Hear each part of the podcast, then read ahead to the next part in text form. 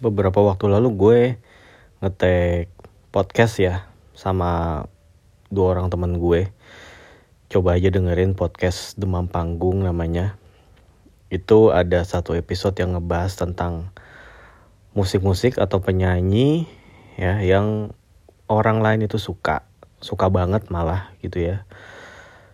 Itu terbukti dari misalnya nih konsernya selalu laku keras, terus kemudian lagu-lagunya itu banyak dimainin di mana-mana, lagu-lagunya itu ya apa ya bisa bisa dibilang lagu sejuta umat, mungkin bukan sejuta umat lagi kayak semiliar umat mungkin gitu ya. Tapi buat gue dan teman-teman gue itu biasa biasa-biasa aja gitu dan uh, ini ya uh, herannya juga gitu ya. Gue ini ngetek tanpa janjian gitu maksudnya kita nggak pernah ngobrolin ini sebelumnya dan bener-bener ngalir aja obrolan untuk ngebahas ini tapi ternyata kami itu ya kami bertiga punya musik-musik atau band-band atau penyanyi-penyanyi yang sama-sama kita nggak sukai gitu. Jadi di samping kita juga ngefans sama beberapa artis atau band yang sama, kita juga ternyata nggak suka dengan artis-artis atau band yang sama juga gitu. Nih ya, yang bener-bener masuk dalam kategori uh, ini tapi ini ini terbagi dalam beberapa kategori ya. Jadi ada nih misalnya gue nggak suka, tapi teman-teman gue itu masih suka. Atau ada yang uh, gue nya masih lumayan suka, tapi teman-teman gue itu nggak gitu suka gitu. Ini yang pertama tadi masuk di kategori teman-teman gue suka tapi gue nggak suka. Ya. Yaitu Peter Pan atau Noah. Gue harus jujur mengakui bahwa uh, Peter Pan atau Noah ini ya band uh, yang digawangi oleh Ariel ya itu gue nggak pernah bisa nikmatin lagunya. Dari era Peter Pan lah yang judulnya mimpi yang sempurna terus uh, apalagi tuh ya pokoknya itulah ya uh, ada apa denganmu atau tak bisakah? Atau ya yang kayak gitu-gitu deh tuh ya. Gue gue tahu ya karena saking seringnya lagu Peter Pan itu di di mana-mana dimainin sampai gue tahu lagunya dan tahu juga judulnya gitu. Dan gue harus akui beberapa lagu tapi nggak beberapa sih. Gue cuman bisa nikmatin dua lagu dari Peter Pan yaitu yang video klipnya Dian Sastro tuh apa yang ngikut-ngikutin itu. Ya itulah pokoknya lah ya. Eh melepas jejakmu apalah itulah ya. Terus habis itu eh satu lagi tuh yang judul yang album-album awal tuh yang video klipnya yang di hutan itu apa di hutan Banyuwangi itu ya apa di mana lah pokoknya tuh. Yang judulnya itu mungkin bila nanti. Itu paling it, itu pun juga masih dalam kategori lagunya yang gue suka.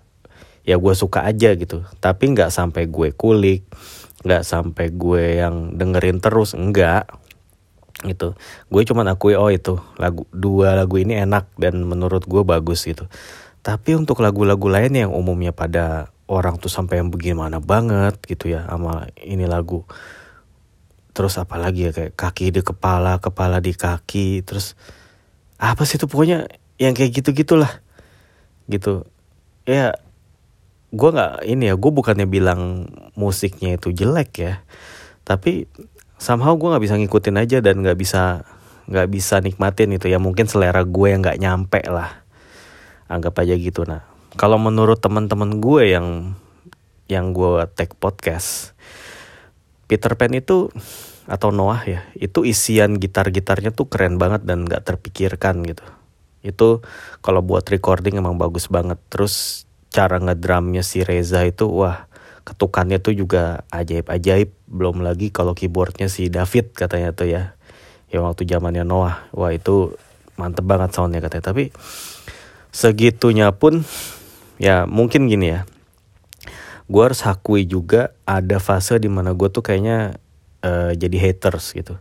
Walaupun se haters hatersnya gue gue cuma nyimpan sendiri sih. Gue nggak yang uh, apa ya wah sampai gimana banget ngungkapin di media sosial apa gimana.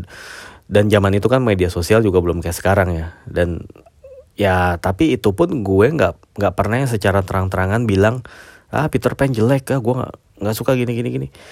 Ya gue cukup nggak suka aja tapi ya gue simpan sendiri gitu dan paling gue tunjukinnya dengan cara misalnya ada beberapa teman gue yang pengen mainin gitu.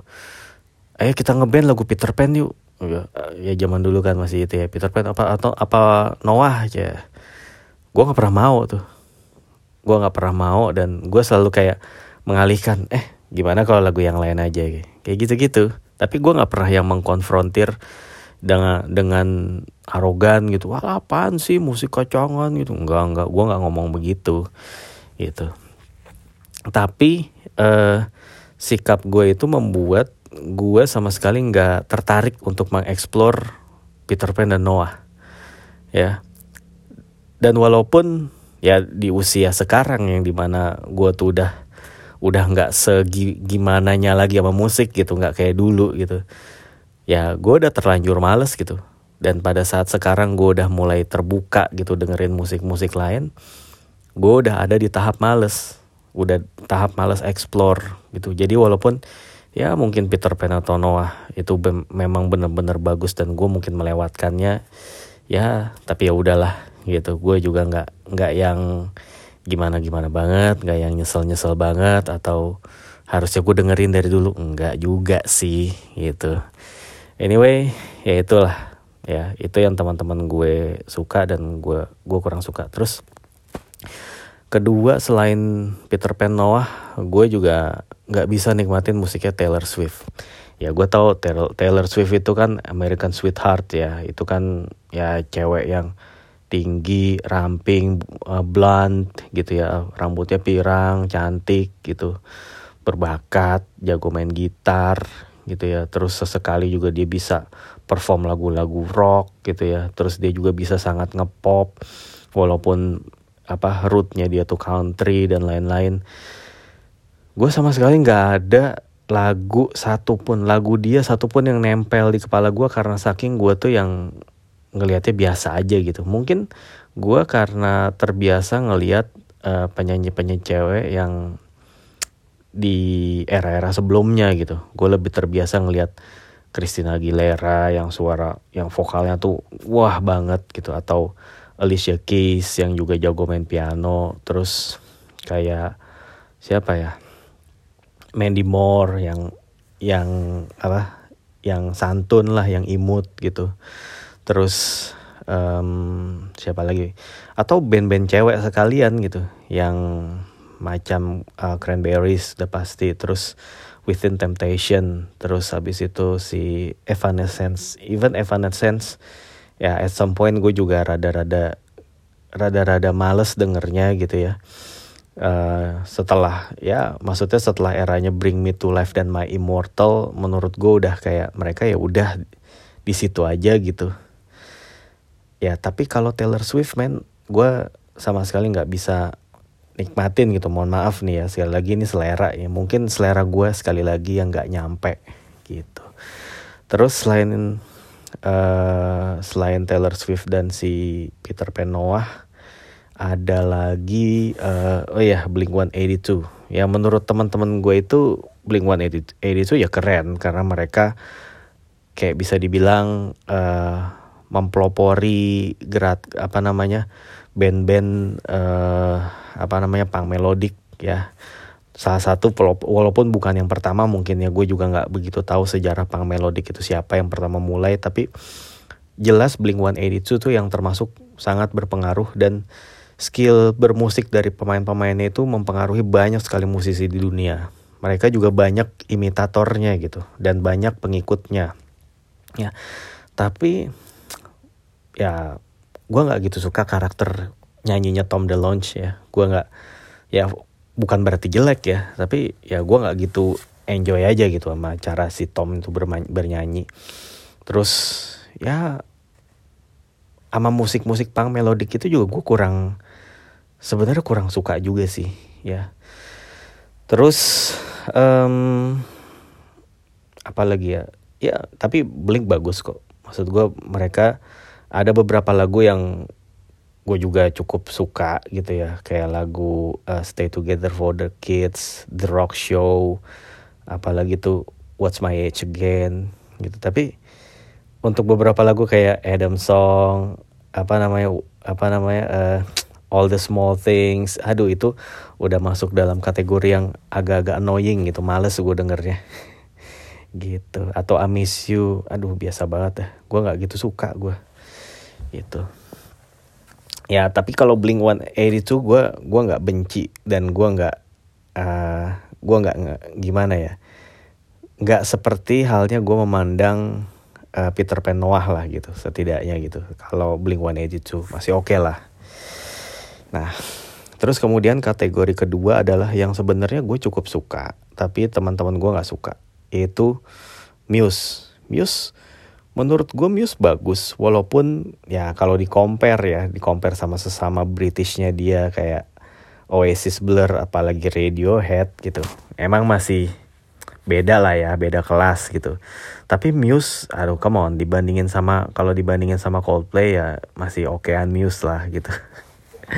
Nah Muse uh, eh, gue harus akuin Muse itu di album uh, Absolution yang ada lagu Hysteria, Time is Running Out, Stockholm Syndrome, ya, uh, Abs uh, Absolution, Sing Sing for Absolution itu keren album itu, gue suka banget, ya.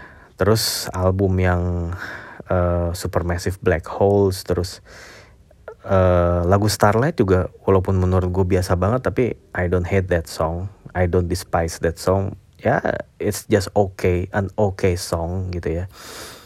Terus uh, gue suka lagu Assassin gue suka lagu Night of Sidonia gue suka lagu uh, City of Delusion terus gue juga suka lagu uh, Resistance gue suka lagu United States of Eurasia gue suka lagu hmm, apalagi Psycho gitu tapi sayangnya gue ngerasa uh, Matt Bellamy ya sebagai uh, vokalis sekaligus juga leadernya Muse itu ya nggak tahu ya kayak over explore atau gimana gitu kebanyakan nge-explore sehingga musik-musiknya tuh jadi EDM gitu.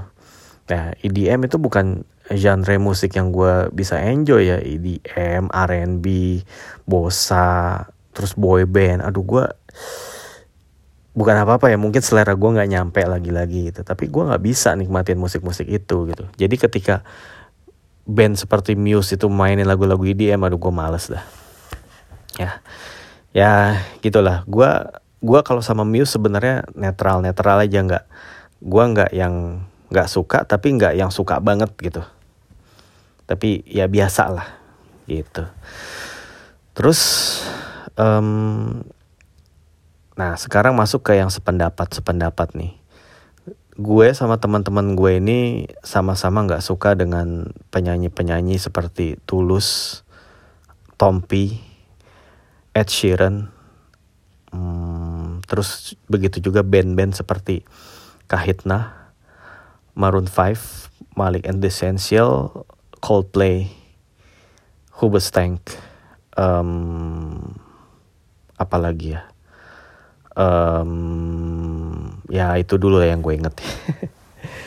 Tapi band-band itu emang rata-rata band atau penyanyi yang mainstream banget gitu ya. Yang pada saat mereka itu ngetop ngetopnya itu lagunya di mana-mana diputar. Sampai bosen sampai dalam pertamanya lu aduh apaan sih ini lagu? gitu. Gue dari pertama aja udah dengerin lagu The Reasonnya Hubesteng aja gue udah males tuh. Apaan sih ini lagu? Enak juga. Kagak kok orang pada suka ya gitu ya Terus sampai di mana-mana itu lagu diputer, terus band-band yang tampil juga pada ngebawain itu, bahkan pengamen-pengamen juga pada nyanyiin itu. Uh, ah, gue udah males banget. Gue di tahap yang muak enak banget sama lagu The Reason-nya Tank. Gak suka banget gue. Terus ya itu bikin ya apa ya gue sama band Hubestengnya sih ya biasa aja dan bahkan gue nggak tahu lagunya banyak gitu tapi lagu yang lagu dia yang judulnya Crawling in the Dark it's okay. It's an okay song gitu. Terus kalau Linkin Park nah ini Linkin Park jelas banyak fansnya ya dan orang banyak yang menyayangkan kematian dari Chester Bennington ya. Gue juga lah ya sebagai sesama manusia gue tentu menyayangkan nasib tragis dari uh, Chester Bennington gitu. Tapi uh, gini gue emang pertama pas Linkin Park itu ngeluarin album yang Hybrid Theory yang ada lagu Crawling ada lagu uh, One Step Closer ada lagu macam-macam lah tuh semua uh, A Place for My Head terus ada lagu banyak lah itu ya di di album Hybrid Theory. Itu pada saat itu ya uh, uh, at that time itu lagu-lagu yang emang kayak nge ngegebrak gitu. Kayak sesuatu yang baru gitu kalau buat gue yang buat gue dengar itu ya cukup oke okay gitu album Hybrid Theory. Tapi ketika orang udah makin ke sini ya di mana mana orang nyanyi lagu Indian gitu kan one thing I don't know why it doesn't even matter how hard to try. Ya itu itu gue udah udah yang lama-lama jadi males dari yang awalnya gue suka tapi pelan-pelan gitu ya karena uh, saking seringnya diputar dan saking banyaknya orang yang nyanyiin ya lama-lama gue jadi ngerasa bosen jenuh dan akhirnya gue udah males dengerin itu gitu ya dan gue jadi nganggap biasa aja terus Kemudian album-album berikutnya gue juga cukup suka dengan lagu yang judulnya Faint. Gue cukup suka dengan lagu yang judulnya apa lagi ya? Oh ini uh, Somewhere I Belong itu gue suka banget lagu Somewhere I Belong itu bahkan masuk dalam kategori yang gue suka banget itu lagu. Tapi Somewhere I, I Belong itu gue suka karena ini lagu nge, lagu yang band banget gitu. Lagu paling band yang pernah dinyanyiin Linkin Park yang lagu paling band dan lagu paling rock yang di mana itu uh, kedengeran kayak lagu band aja gimana sih? Bukan lagu EDM bukan lagu uh, lagu band-band yang pakai drumnya pakai loop gitu ya. Ini bener-bener pakai yang musik musik asli lah. 90% dari lagu si Somewhere I Belong itu bener-bener pakai musik asli pakai alat musik asli yang bisa dimainin dan bisa dijamming sama band. Gitu. Itu gue suka. Tapi ya unfortunately ya itu satu-satunya lagu Linkin Park yang masuk dalam kategori menurut gue oke okay banget dan gue suka banget. Di luar itu kayak masuk dalam kategori lagu yang oke okay aja atau malah B aja. Dan bahkan ya untuk lagu Linkin Park yang kayak judulnya Numb terus kayak yang ya pokoknya album ke sini-sini dah tuh yang makin lama makin EDM ya. New Divine gitu ya, ya itu udah gue nggak suka. Gue udah nggak suka lagi. Ya gue udah nggak suka dan gue pun juga nggak mau nonton konsernya waktu itu. Ya. terus kemudian selain Linkin Park Limp Bizkit ya. Gue juga bukan penikmat musiknya Limp Bizkit gue juga bukan pengagumnya Fred Durst tapi gue respect karena dia dia juga mainin lagu Metallica. Pada saat Metallica itu dianugerahi MTV Icon tahun 2000-an Fred Durst dan uh, Limp Bizkit itu nyanyiin lagu Sanitarium dan menurut gue versi mereka cukup oke. Okay gitu ya. Terus satu-satunya lagu Limp Bizkit yang gue suka itu cuman yang judulnya Eat You Alive. Itu pun karena lagunya lagi-lagi yang gue bilang nuansa lagu band rock aja udah. Dan vokalnya si Fred di lagu itu keren permainan drum dan juga gitaris dari si Limp Bizkit itu juga keren di lagu itu. Kayaknya itu bukan West Borland malah ya. Itu gitaris barunya pada saat itu. Dan itu keren sih menurut gue ya tapi cuman itu satu-satunya. Gue cuman suka satu lagu It Your Life di Limp Bizkit dan suka satu lagu Somewhere I Belong di Linkin Park. Gitu. Terus next uh, apa lagi ya? Um, yang gue juga kurang bisa nikmatin kurang bisa apresiasi dan mungkin selera gue nggak nyampe yaitu lagu-lagu kayak Pamungkas mungkin ya. Dan ya yang zaman sekarang juga ya kayak Ardito kayak ya apa lagi ya? Hmm, kalau temen gue sem kemarin sempat nyebut Moka ya. Moka emang sih selain lagu Secret Admirer dan What If ya biasa aja yang lain lah gitu. Terus kayak Endah Resa Endah Resa bagus ya. Gue akui mereka musikalitasnya tinggi tapi their song uh, are not on my playlist aja gitu. Gue nggak apa ya guanya lah anggap aja yang kurang explore sama lagu-lagu mereka. Gitu. Gue juga bukan yang gak suka sama sekali sama lagu-lagu mellow sih. Gue suka lagu-lagu mellow kayak lagunya Michael Jackson I Just Can't Stop Loving You itu gue suka banget lagu itu. Gue suka yang lagunya Lea Salonga dan juga Brad Ken yang We Could Be in Love itu gue itu lagu salah satu favorit gue. Gue suka lagu It Must Have Been Love Roxette itu kan mellow banget dan juga uh, Lost in Your Eyes-nya Debbie Gibson.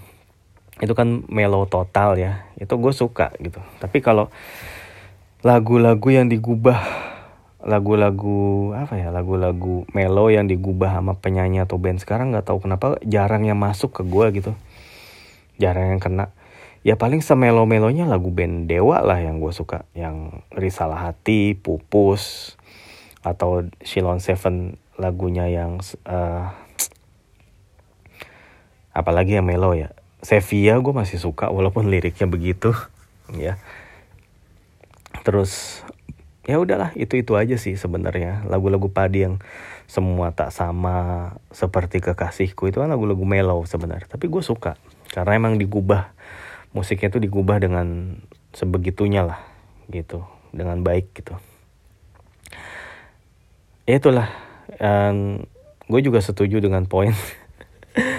Ya tentang lagu ya Maroon 5 lah itu. Gue paling males juga kalau dengerin lagu Payphone atau apa sih itu One More Night atau uh, Makes Me Wonder itu gue nggak suka banget sumpah. Eh gue suka dengan lagu She Will Be Loved. Gue suka dengan lagu uh, apa namanya tuh yang apa sih tuh yang When is it cold at night and I got nobody to love? You'll understand what I mean when I say There's no way we're gonna give up. Itu apa sih lagunya? Uh, harder to Breathe. Itu gue suka lagu Harder to Breathe. Keren itu lagunya. Tapi setelah itu lagunya Makes Me Wonder Itu aduh gue nggak suka banget tuh. Dari intro gitarnya ceret cet cet aduh itu gue paling nggak suka banget. Males gue denger ya terus uh, payphone uh, terus uh, sugar gitu ya. Minim banget gitu minim banget aransemen yang bikin gue tuh terngiang-ngiang gitu. Enggak terngiang-ngiangnya tuh karena lebih ke yang negatif aja gitu. Aduh yang annoying gitu. Aduh ini lagu annoying banget sih. Semua orang pada suka lagi gitu. Dan juga ya the one and only band paling selling out dan paling aji mumpung Coldplay. Mohon maaf nih ya gue tahu Coldplay itu fansnya banyak banget. Konsernya mau di mana pun sold out Chris Martin tuh udah mandi duit lah gitu. Tapi ya kalau teman gue malah komennya lebih sadis lagi. Itu sejak album sejak lagu Fix You gitu ya habis itu lagu ganti jadi Viva La Vida Sky of Full of Stars dan makin ke sini makin ke sana gitu kan. Itu udah ada yang annoying banget dan udah sell out dan katanya tuh kalau kata teman gue jangan-jangan Chris Martin yang asli itu diculik sebenarnya. Terus ya ini cloningannya dia gitu. Atau jangan-jangan Chris Martin tuh punya kembaran ya.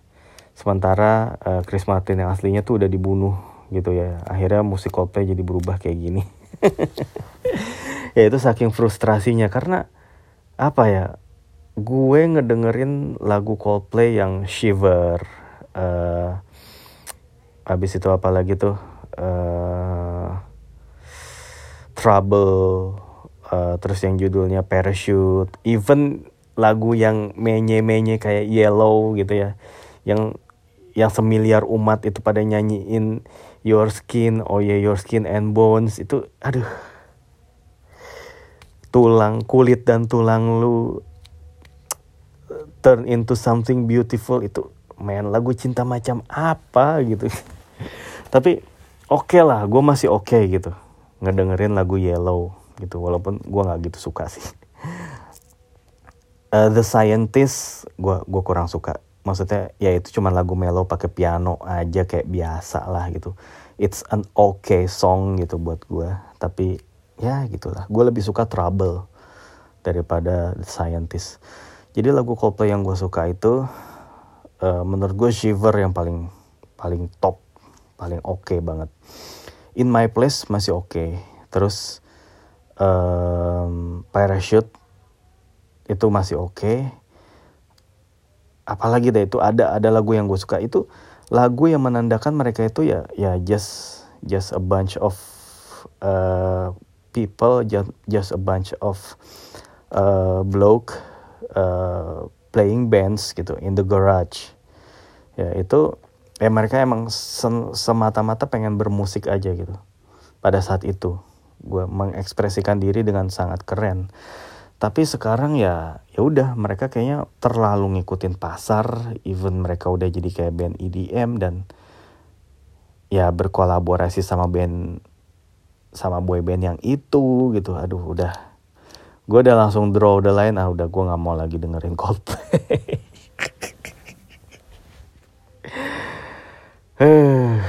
Ya. Gitulah ya aduh mohon maaf ini ini mungkin penuh dengan aura-aura negatif dan kebencian gitu postingannya dan tidak ada enak-enaknya sama sekali. Apa sih yang enak atau menarik dari ngedengerin keluhan dan juga ketidaksukaan orang gitu. Tapi ya ya udahlah. Gue cuma mau ngomong dengan jujur aja dengan opini gue sebagai seorang uh, pendengar musik yang sebenarnya nggak ngerti-ngerti amat musik. Ya, uh, pelanggan Spotify yang sebetulnya juga nggak pernah ada pengalaman bikin lagu sendiri. Gue ngata-ngatain lagu orang tadi, gue ngata-ngatain musik orang, padahal gue sendiri juga belum punya karya. Ya udah, ini cuman ke apa ya, murni opini jujur gue sebagai fans, sebagai pendengar musik, ya yang ya udah gini aja dan nggak berpengaruh ke siapa-siapa kok opini gue karena gue bukan siapa-siapa juga. Uh, terus hmm, apa lagi yang gue kurang suka? Oh next time lah, next time gue bahas lagu-lagu di band favorit gue tapi gue nggak suka gitu. Ini lagu yang mainin band favorit gue nih, tapi gue sebel sama ini lagu. Ya mungkin next time gue mainin. Oke deh, bye bye.